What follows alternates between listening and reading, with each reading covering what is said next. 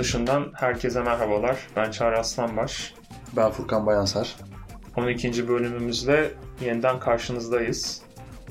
Furkan evet e, bir hafta hızlı geçti. Neler yaptın? Evet.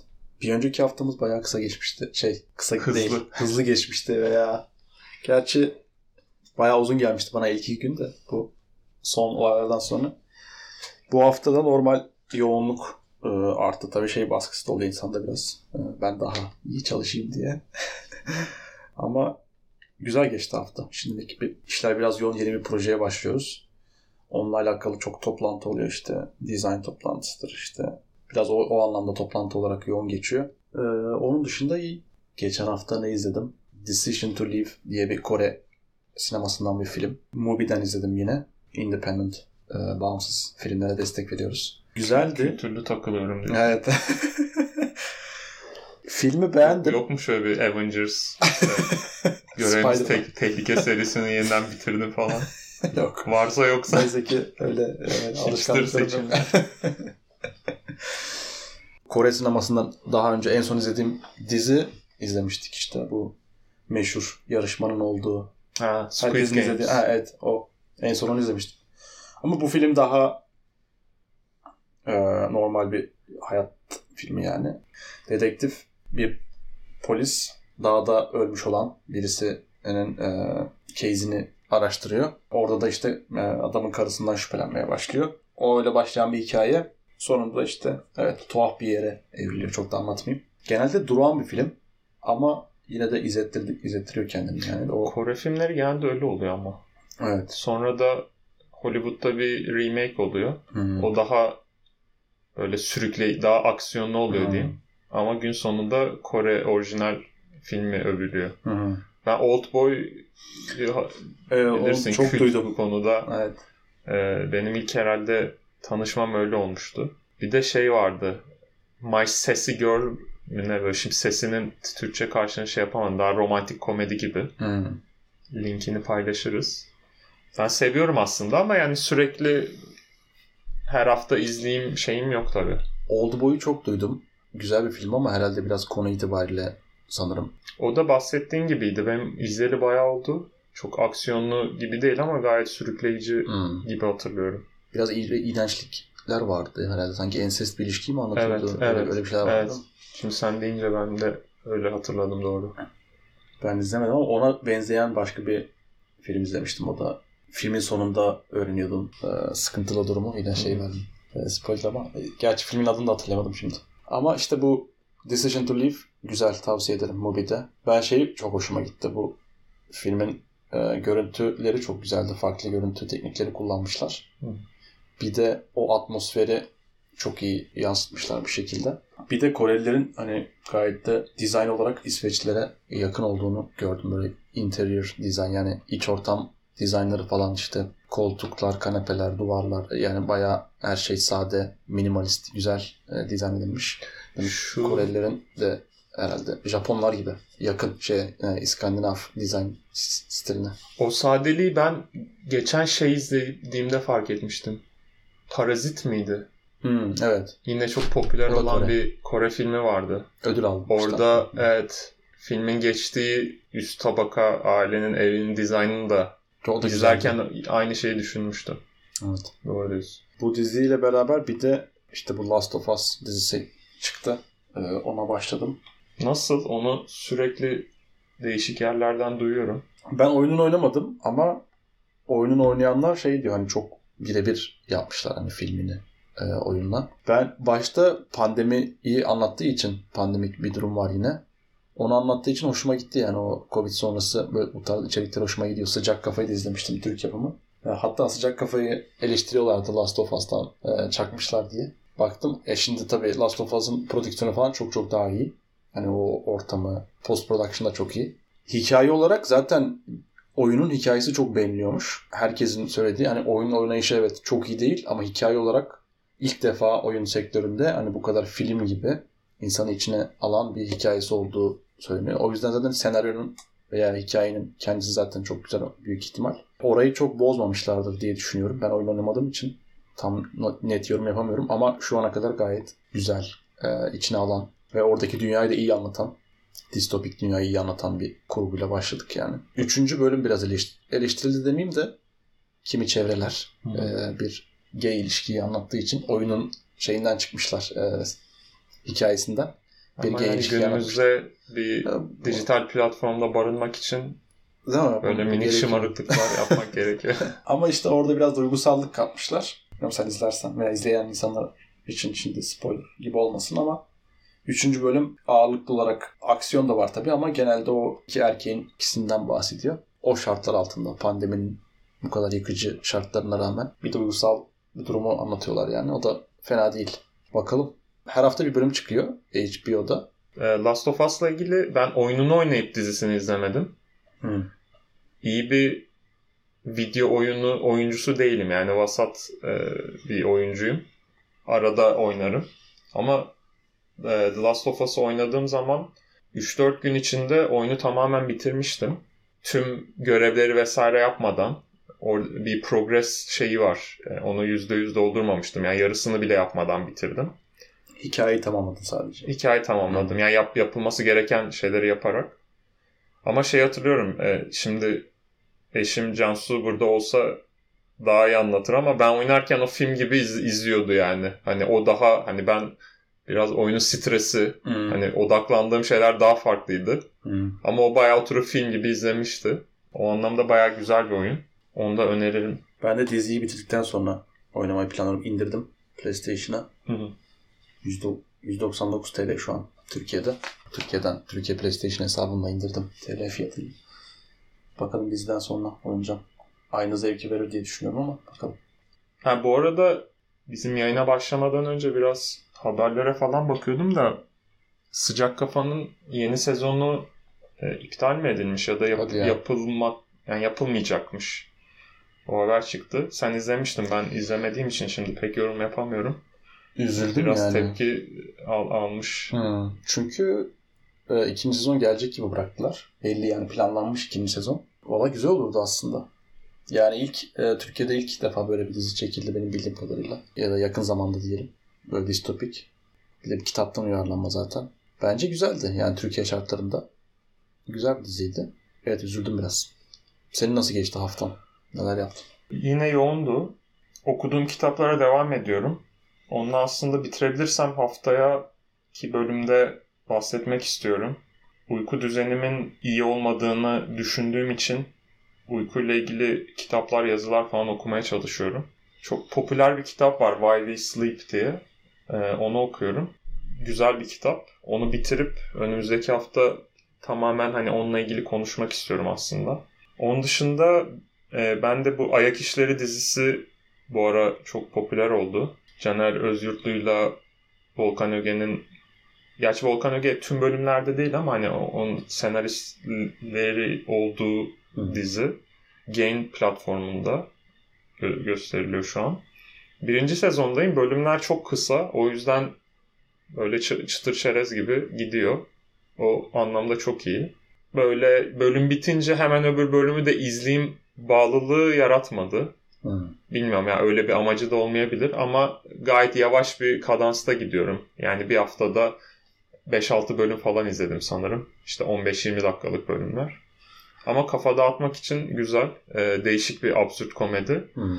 Yorumlarda biraz böyle gibi dizisiyle benzer kefede tutuluyor ama tabii hani absürt komedi e, çok çeşitli değil e, şu an Türkiye'de. O yüzden hemen bir absürt komedi hemen gibi bu, gibiye benziyor ya da gibi buna benziyor falan gibi yakıştırmalar alabiliyor. Ben pek katılmadım. Herhangi iki komedi dizisini Aa, bunlar birbirine benziyor demek gibi bir şey ya da herhangi iki romantik filmi benzetmek gibi bir şey bence. Ama güzel de devam edeceğim yani.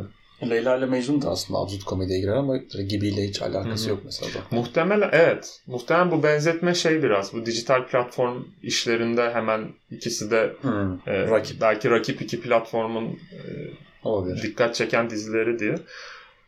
Sanırım bir, bu aralar özellikle duyurulmaya da çalışıldı. Benim ge- yani dürüst olayım hiç haberim yoktu bu diziden.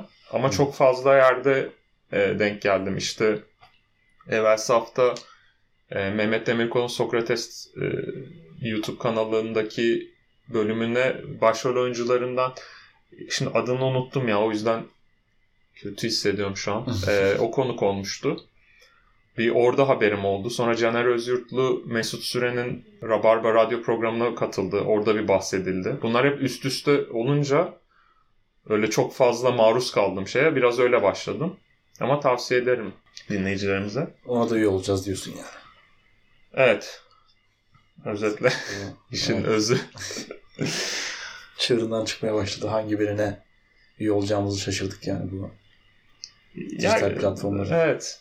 Güzel ama ya bence böyle e, bir tane yine Gain'deydi sanırım. E, 10 bin adım diye bir diziye denk geldim. Ha, Engin Günaydın'la evet. diğer hanımefendinin adını Ben unuttum. Ama şey o da ünlü bir tiyatrocu. O da çok güzel çerez gibi giden. Ya o, o tarz Devamı dizileri seviyorum. Sanırım gelmedi. O, onu da bu arada ilk sezonundayım. İkinci sezon var mı emin de değilim aslında. Biz ilk sezonunu bitirdik onun da. Güzel bence ya şey. Evet baya yani Engin Günaydın'ın zaten girdiği o tiplemesiyle o, o yetiyor yani senin o duruma gülmene. O Abi bir de sana da oluyor bilmiyorum da bu çok casual yani çok olağan günlük Türkiye hayatlarından kesitler veren şeyleri bu aralar çok keyifle izliyorum. Hani biraz Covid sonrası normalleşme diyebilirsin ya da işte gurbette yaşıyoruz falan diyebilirsin. Hani bu tarz çok çok basit muhabbetleri severek izliyorum. Hani mesela o yüzden 10 bin adımı e, şeye tercih ederim mesela. Hani ayak işlerine. Hani Hmm. çok daha çok daha basit muhabbetler döndüğü için. Ben o sıradan Türkiye hayatını özlediğim zaman Ankaralı olduğum için direkt açıyorum bir Behzat Ç. bölümü. Onu izliyorum. Aa Behzat Behzat Ç. sezon finali yaptı. Yaptı evet. İzledin mi? Sezon finalini pek beğenmedim. ben de. Ben biraz de pek beğenmedim. fazla. Ama şey şükrediyorum. Tabii tabii. Ee, bir iki var. Oldu bu iş. Ee, bir sonraki sezonda gelecek. Gerçek Harun e, gelecek diyorlar. Osman Harun olmayan. Aa, İnşallah. Yani şey konuk oyuncu olarak. Değişik yani güzel olabilir. Biraz bu e, Bak Esat. Başkomiserin Hı. şey Fatih Artman. Hı, evet. O ama o da Behzat Ç. ilk başladığındaki Fatih Akman değil yani. Değil o da mi? değişti. Hani o geldiğinde acaba o ilk güldüğümüz gibi olacak mı? Ondan da emin değilim yani. Yani orada bir Christian Bale'lik olur mu? E, rolü için 40 kilo aldı. Yani Evet şu an bayağı ince. olur. Değil mi? Çok ince. Yani şu an o e, ayı Harun rolünü şey Hmm. yapamayabilir. Ama şu an nasıl gelirse gelsin ben okeyim. Mutlaka yani en ufak bir eskilerden esinti sunsa bile benim için yeterli. Evet. Yani dizinin son bölümü bu yorumlarda da belki görüyordur hani dinleyicilerimiz. O eski çok basit case'leri çözdükleri bölümler daha güzel ama şey yani şey kesinlikle kabul ediyorum. Hani işte yaşanmışlıklar var işte araya darbe giriyor hani Hmm. diziye onu yansıtıyorlar falan filan. İşte oradaki yıpranmışlık bir görevden hafif soğuma, hayatı sorgulama şeylerini çok mantıklı tabii ki. Hı. Ama bununla birlikte ne bileyim mesela ilk bölümü o Gaspi kedinin öldürüldüğü bölüm e, gayet basit ve iyiydi yani yine oluyor yani bir şekilde. Evet. Erdal Beşikçioğlu da hani yönetmen farklı. Yani yönetmenin Erdal Beşikçioğlu'na verdiği anlam, pardon Behzat Ç. rolüne verdiği anlam tarzı farklı. O yüzden e, eskisi gibi olmaması normal diye bir açıklama yapmıştı. Ben de izledim. Bu Candaş Tolga'nın programına katılmışlardı. Evet. izlemedim ama şey YouTube önerip duruyor Hı. izleyeceğim. Geçen bölüm şeyi öğrendim. Sen biliyor muydun? E, Melike komiser miydi bu sene gelen? Evet. O gerçekte Erdal Beşikçioğlu'nun kızı. Hadi ya. Evet. Bunda böyle Güzel bir güzel. satasım vardı Güzel birine. bir İyi denk geldi. Kayıt, kayıt da alınmış oldu.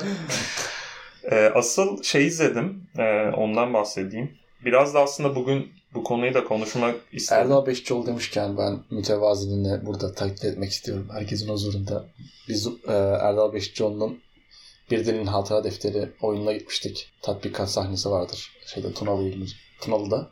Oyun bitti. İşte bir kalabalık 50-60 kişi bekliyor. Yani acaba bizde fotoğraf çekilir mi falan diye. Bekledik bir süre işte. Ee, sonra çıktı ve dedi ki yani kimse bir yere ayrılmasın ben herkese tek tek fotoğraf çekeceğim ve gerçekten de herkese tek tek fotoğraf çekindi. Biz böyle çekiniyorduk. Adam sonlara kalmıştık. Ya adam yoruldu falan filan diye. O, o bize sordu ya siz de çekinmiş bir gelin çekinelim diye. O yüzden benim için ayrı bir yeri vardır yani Erdal Beşikçioğlu'nun. Abi o tarz şeyler o sanatçıya bağlılığı acayip evet. arttırıyor. Evet. Bana o bir kere oldu sadece. Eşimle Kerem Görsev'in e, konserine gitmiştik. Çıkışında insanlar sıraya girmiş. Hepsiyle ilgilendi tek tek falan. Bizde öyle bir şey, bir fotoğrafımız hmm. var. Hmm. Hatta sonra onu story attım. Ben eşim Kerem Görsev, Kerem Görsev Trio e, yazarak. Hmm. Orada ince bir şey yapmaya çalıştım. Minik bir pişmanlık oldu ama. Da, başka bir şey diyecek misin yoksa? Yok ben senin sözünü kestim. Yok estağfurullah. Ben bu hafta şeyi izledim. Netflix'te Untold diye bir belgesel serisi var. Değişik bölümleri var ve e, farklı konuları işliyorlar. Operation Flagrant Foul diye bir bölümünü izledim. Çok kısa özet geçeyim. NBA'de yaklaşık 60 tane hakem var sanırım. İşte her maç e, saha içinde 3 hakem oluyor. Bu hakemler ünlü oluyorlar ve oyuncularla falan iletişimleri çok iyi. Koçlarla falan. Bizim işte Türkiye Süper Ligi'ndeki hakem atamaları gibi orada da önem veriyorlar bu şeylere. E, Tim Donaghy diye bir eski hakem. E, 2000 2010 arasına kadar görev yapmış bir hakem bu. Onun e, şike davasını anlatıyor. Hı. Kısa bir özet geçeyim. E, biraz da spoiler içerecek çünkü e, bölümünde de hani bununla bahsetmek istiyorum. Bu hakem e, bir çocukluk arkadaşı aracılığıyla yasa dışı bahis e, yapan bir kişiyle tanıştırılıyor. Hı. Ve kendisine her maç tahmini için, tüyosu için 1000 dolar vereyim sana diyor. Bu da kabul ediyor. Yani 1000 dolar çok az aslında. Yani bir hiç uğruna kabul ediyor. Or- ora biraz aklıma yatmadı. Bunu niye kabul etti? Biraz sanırım hani aba altından sopa da gösteriliyor. Ailesi tehdit ediliyor falan. Dizide bu arada işte bu bahsedilen herkes hapsini yatmış, çıkmış. Bunun üzerine hani düşüyor ya artık. Özgürce konuşulabiliyor hani Amerikan Hı-hı. yasalarına göre. O yüzden çok açık konuşuluyordu. O hoşuma gitti.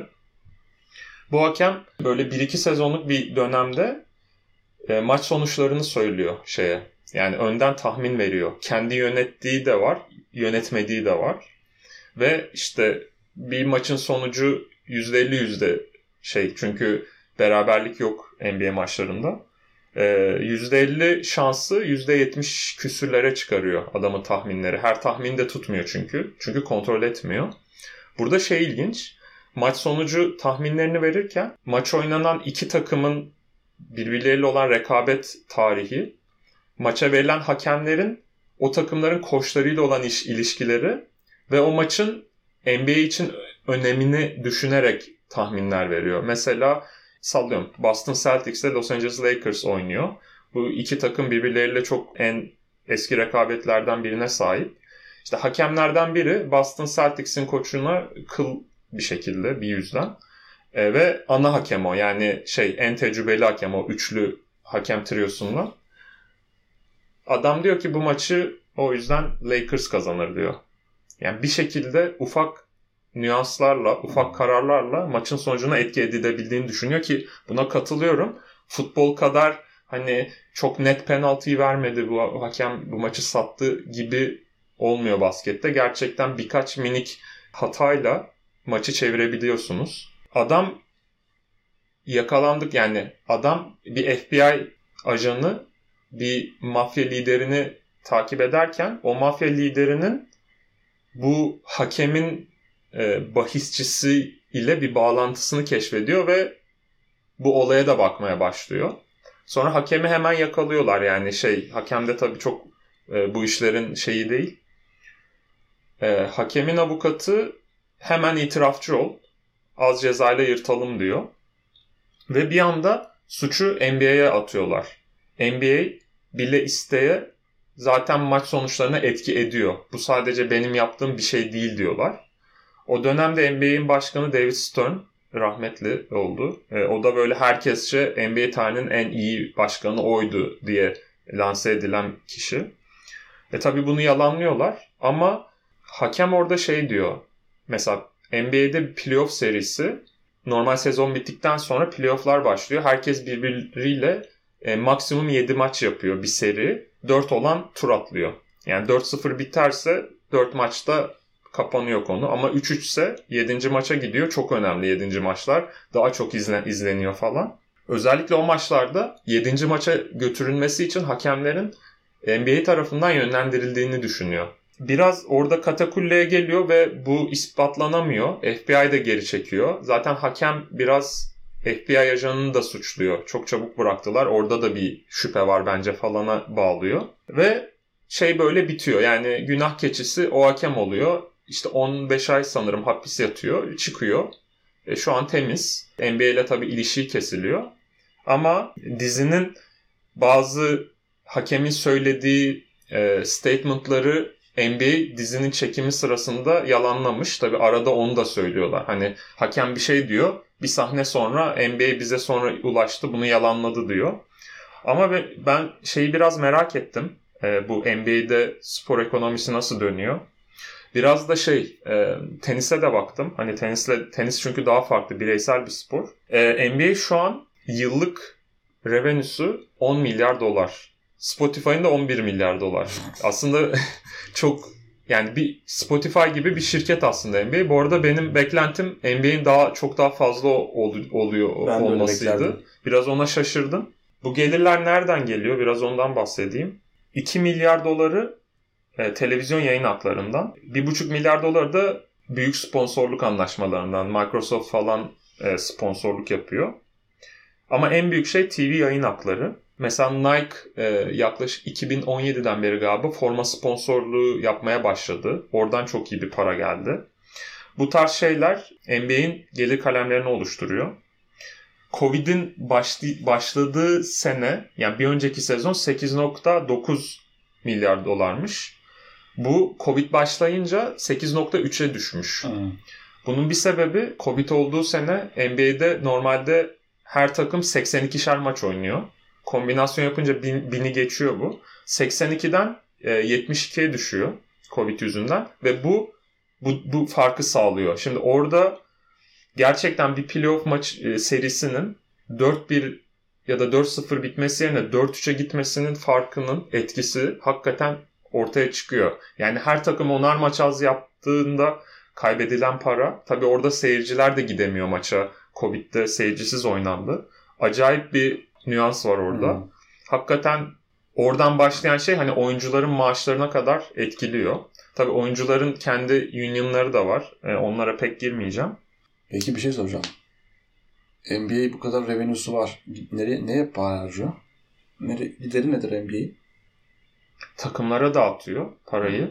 Hmm. Takımlar oyunculara dağıtıyor. Takımların giderleri var. Hmm. NBA'in kendi e, reklam giderleri var ayrıca. Hmm.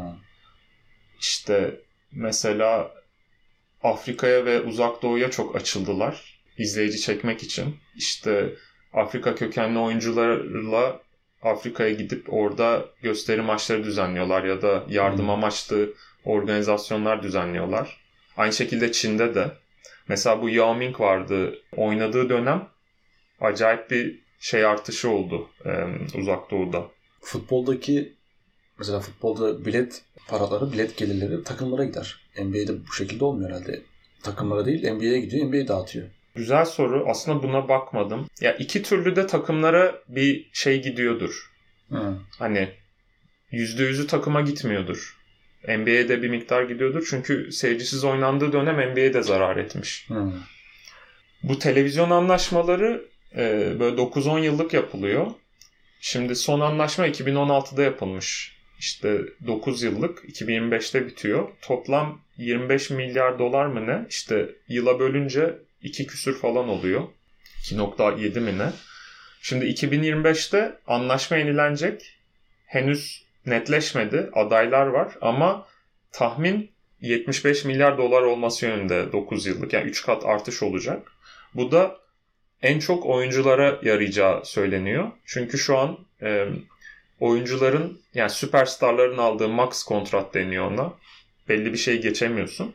Ee, mesela Stephen Curry bu en meşhur basketbol oyuncularından biri. Ee, Ekim ayında yeniledi kontratını. Yıllık e, 54 milyon dolar sanırım şu an aldığı para. Bu rakamın yaklaşık 2'ye 3'e katlanacağı söyleniyor.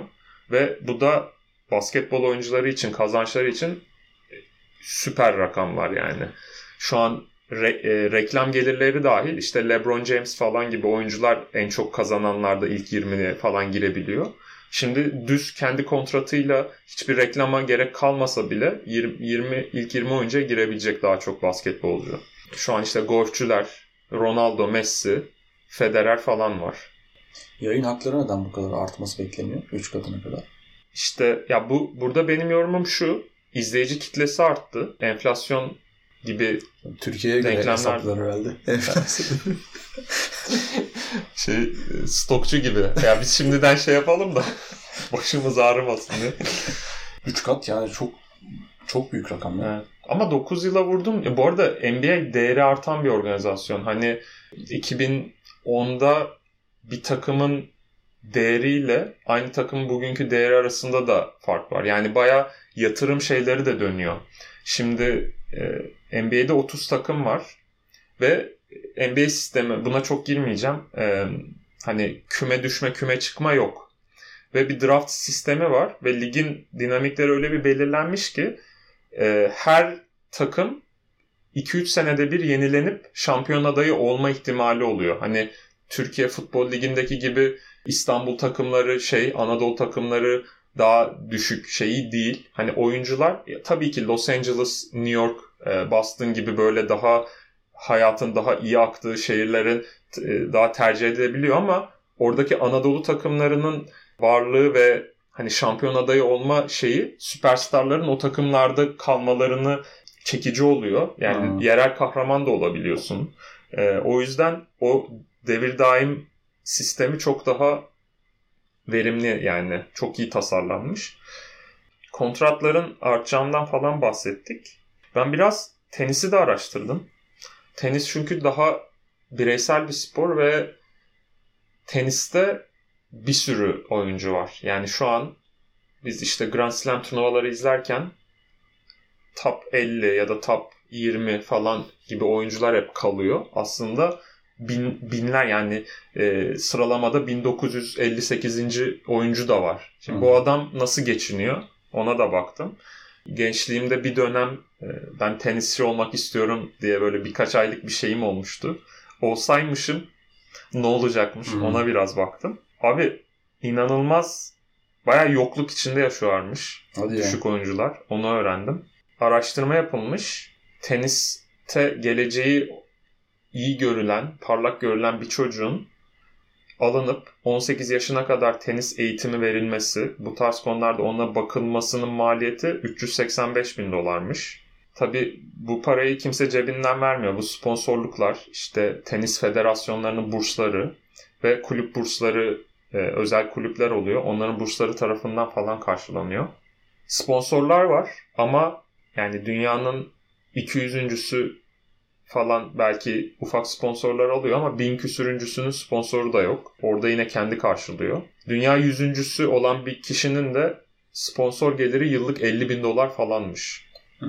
Yani genelde çift meslekleri falan oluyor. Ortalama işte dünya bin küsürüncü bir oyuncunun Amerikalı olsun. Amerika'da başka bir yerdeki bir turnuvaya gidip katılma maliyeti e, bin dolara yakın. Uçak biletleri, e, yemek, otel vesaire. Orada da üçüncü turda elenip dönerse bayağı zarara giriyor. Yani sistem ilk turda elensen bile para kazanıyorsun ama tırt bir turnuvada ilk turda elensen alacağın para 100-200 dolar falan. O yüzden belli bir eşiği atladıktan sonra para katlayarak geliyor tabii. Yani bireysel spor olduğu için insanlar ya da gençler daha çok rol model alabiliyor. Ve reklamlarda daha etkili olabiliyorsun. Yani NBA'de de süperstarlar var ama böyle bir takımsal bir reklam ya da takımsal bir özenme olmuyor. Genelde oyunculara özenme oluyor. Prestijli turnuvalar o yüzden milyon dolarlar kazandırıyor. İşte e, artık yani çift haneli milyon dolarlar kazandırıyor sanırım artık Grand Slam'ler. Mesela düşük bütçeli turnuvalar sırf starları getirmek için katılım parası veriyorlar. Mesela Nadal'ı bir gösteri maçına çağırmak istesen yaklaşık 1 milyon doları gözden çıkarmak zorundasın. Hadi ya. Top 10-20'si dışında Hmm. her an her şey olabilir öyle söyleyeyim. Sakatlık riski de yüksek bir spor. Tabi burada bütün hayatını garantiye alman lazım. Ee, genelde zaten emekli olmadan önce tenis oyuncuları tabi biraz daha iyi yönlendiriliyorlar bence. Böyle foundationlar, markalar olsun e, yatırım yapıyorlar. Burada lafı çok uzattım. En son biraz Federer'le ilgili e, konuşmak istiyorum. Bu tenis tam bireyciliğin ve kapitalizmin birleştiği, vücut bulduğu bir e, ekonomiye sahip gibi. Bence öyle. Bireyselsin, tek başınasın Ee, evet. ve zayıfsan bittin yani. Hani çok düşük ihtimalle. Yani yetenekli olman lazım ki ancak. Breakpoint, Breaking Point miydi? Ee, bu geçen hafta bahsettiğim Netflix dizisinde de mesela gerçekten yalnızsın. Yani yanında en çok hissettiğin kişi koç. Koç bile ayda 10-15 bin dolar maaş alıyor. Yani onun da parasını vermek zorundasın. Hani bir duygusal bir şey yok. Hani sen onun görevisin. Tabii bunu şeyleri ayrı tutuyorum. Ee, işte babası ya da amcası koçluğunu yapan tenisçiler var. İşte Nadal'ın yıllarca amcası koçluk yaptı. Hmm. Şimdi bu e, Yunan Çiçipas var. Onun da babası koçu. Hani on- onun dışında orada da profesyonel bir ilişki var. E, orada da yalnızsın yani. Federer'in ticari zekasıyla e, bu konuyu kapatmak istiyorum. Federer biliyorsun e, geçtiğimiz Ekim ayında son profesyonel maçını oynayıp emekliliğini ilan etti. Federer 94 yılından beri Nike'daydı. Nike sponsorluğunu yapıyordu. Ve yılda 10 milyon dolar kazanıyordu son anlaşmasında. 2020 yılında anlaşma yenilemedi. Çünkü e, Japon markası Uniqlo kendisine 10 yıl boyunca yıllık 30 milyon euro e, önerdi. Vay O da tabii ki oraya gitti. Şu an e, Uniqlo biliyordu onun tabii ki 10 yıl daha oynamayacağını. Orada gerçekten iyi bir yatırım yaptı. Şu an onun yüzü oldu. Tenis oynamasa bile şu an ürünleri satılıyor. E, Uniqlo'nun işte Uniqlo da Japonların H&M'dir yani. Öyle diyebilir miyiz? Gerçi biraz, biraz daha, kaliteli bence. Hmm. Spora daha e, ağırlık veriyor aslında. Yani spor ürünlerine de daha çok. Evet. Spor ve soğuk hani mont gerçi İsveç'te ben Uniqlo mont giyiyorum ama en kalınını giyiyorum. Hı. Yine üşüyorum yani. Hani Hı, İsveç. İsveç. için değil. Burada ilginç nokta Federer Nike'la arkadaşça ayrılmadı. Ayrılamadı daha doğrusu. Federer'in meşhur bir isim ve soyisim baş harflerini oluşturan RF logosu var. O Nike'ın elindeydi. Federer onu geçiremedi şey Uniqlo'ya. Nike o logoyu kullanarak satış yapmaya devam etti. Bir süre sonra ama e, Uniqlo onu aldı. Onun detayını tam bilmiyorum ama şu an Federer'in elinde tekrar o logo. Ama şey bir dönem vardı. Şimdi Uniqlo ayakkabı üretmiyor.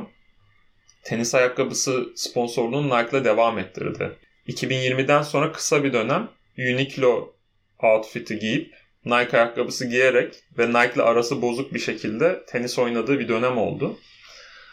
Burada da yılmadı. Gitti İsviçre menşeli bir ayakkabı firması On ismi. Oraya yatırım yaptı ve halka açıldığı gün e, sanırım 3 katına 3 katına çıktı değeri onun. Federer'in bu ortaklığı yüzünden ya da sayesinde. Kariyerinin son döneminde de On, On markasının tenis ayakkabılarını giyerek Hmm. kariyerini tamamladı. Şu an yani para basıyor. Yani e, en çok kazanan ilk 20'de yine ilk 5'de olmaya devam edecektir. Hmm. E, oynamadan bile. Böyle bir kariyer. Ama bu dediğim gibi işte Nadal'la Djokovic'i de ayrı tutarsan belki Andy Murray'di. İşte 20 yılda 4 tenisçinin başına gelen bir hadise bu. Binlerce yani bir de Türkiye'deki tenis altyapısıyla tabii hani Türkiye Tenis Federasyonu'nun e, hani boş oturuyor de- demiyorum tabii ki ama hani diğer özellikle Avrupa ülkelerine kıyasla çok başarılı olduğunu düşünmüyorum. Balkan ülkelerinden acayip bir sporcu ihracatı oluyor şu an. İşte Djokovic, Luka Doncic, işte NBA'de ya da Nikola Jokic. Yani bir sürü nüfusunu oranladığında hani bizim yanımızda ufacık ülkelerden e, bu tarz şeyler oluyor. Yani demek ki yanlış yap, yaptığımız ya da yanlış yapılan bir şeyler de var. E, ama tabii uzmanı değilim bu konunun. E, Sadece tenis de değil yani genel. Evet. Basketbolda gayet aslında başarılıyız. Evet. Biraz bizde şey var bence. Bir kişinin sporcu olması için eğitim hayatından feda etmesi gerekiyor. Yani baya bir trade-off var orada. Hmm. Mesela senin iyi bir tenisçi olacağını ya da basketçi olacağını ilkokulda anladıklarında senin üniversiteye kadar gerçekten derslerinden bayağı kopuk yaşaman. Yani yine bir yandan onu götürüp mezun olup e, üniversite okuyup oradan da devam edebilirsin ama dedike şekilde vereceğinden çok daha düşük başarıda bir hayat seni bekliyor oluyor. Evet. İnsanlar o riski alamıyor. Daha doğrusu anne babalar o riski alamıyor. Güvenemiyor çünkü. Evet. Federasyona mı güvenecek, kulübe mi güvenecek? Yani yarınını bilmediği için insanlar ne olacağını. Ama Amerika'da mesela sporcu bursu çok yaygın. Hı. Türkiye'de de yeni yeni e, duyuyorum var özel okullarda. Bir oyuncu yani çok iyi bir gelecek vaat etse bile sporcu bursu verilip bir üniversitede okuyup mezun olması yani derslerinden geçmesi isteniyor. Hani dersten devamsızlık yapıp kalırsa ya da e, sınavından geçemezse adamın spor hayatının bitirecek yani o onu göze alarak bursunu sonlandırıyorlar ve bırakıyorlar adamı. Hmm. Ee, işte bu Last Chance U basketbol belgeselinden bahsetmiştim. Hani orada onu daha da iyi an, hani anlatıyor. Oyuncuların bunu nasıl psikolojilerine etkilendiğine falan. O da bambaşka bir hayat ve mücadele diyeyim. Yani sadece çok sayılı kişiler işte Kobe Bryant, LeBron James gibi oyuncular e, doğrudan lise bitirip NBA draftına katıldılar. Yoksa e, üniversite oku, okuyup öyle katılmak gerekiyor. Hmm. Evet zor ya. Evet. Altyapı gerekiyor. Sen hiç sporcu olma profesyonel şeyin var mıydı? Yok hiç öyle bir hayalim olmadı. Ee... Sporla uğraşıyor musun? Sporla. İddia oynuyorum. Genelde pek bir alakam olmadı ya sporla. Ya ben bu tarz şeyleri okudukça benim ara ara gelmişti hani şey yapmak için ama Türkiye'de tabii sporcu, profesyonel sporcu olmak için yani gerçekten zor bir yani maddi olarak zor bir çocukluk geçirmek gerekiyor. Hmm. Yani gerçekten çaresizlik seviyesi belli bir şeyin üstünde olması lazım. Ee, hani o dedike bir şekilde ona konsantre olmak için. Basketboldaki başarımızı e, nasıl Neye borçluyuz? Neye borçluyuz? Bence Türkiye'nin basketbol altyapısı diğer birçok Avrupa ülkesine göre çok daha iyi konumdaydı. Mesela Bandırma Spor en bildiğimiz hani çoğu e, Türk basketbolcusunun yetiştirdiği kulüp.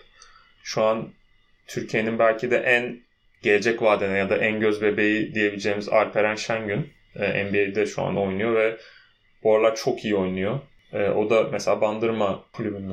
Fakat yakın zamanda kulübün şeyi kapandı. Gerçekten yatırım e, bulamadığı için sanırım. Eski şeyimizden de e, kötü durumdayız diyebilirim hani basketbol altyapısı olarak. Hmm. E, Euroleague'de falan iyiyiz. Hani ne kadar takip ediyorsun bilmiyorum ama e, orada da hani genelde yabancı oyuncu ağırlıklı. Yıllardır Fenerbahçe, Beko ve e, Anadolu Efes temsil ediyor. E, son iki yılı Anadolu Efes kazandı falan. İşte Fenerbahçe bir kere kazandı son 5 yıl, 4 yıl önce sanırım. Tam hatırlayamadım. Ama e, hani Türk ağırlıklı kadrolarla değil maalesef. Hmm. Tabii yine çok iyi bir gurur ama hani Tabii. altyapının iyi olduğunu e, valide etmiyor bu. Hmm. E, şu an durum böyle. Senin eklemek istediğin bir şey var mı? Yok. Bu, bayağı konuştuk aslında bugün değil mi? Evet. Çenemiz düştü değil mi? Evet evet. O zaman bu bölümü bu vesileyle kapatalım. Bizi dinlediğiniz için teşekkür ederiz. Bir sonraki bölümde görüşmek üzere. Hoşçakalın. Görüşmek üzere. Hoşçakalın.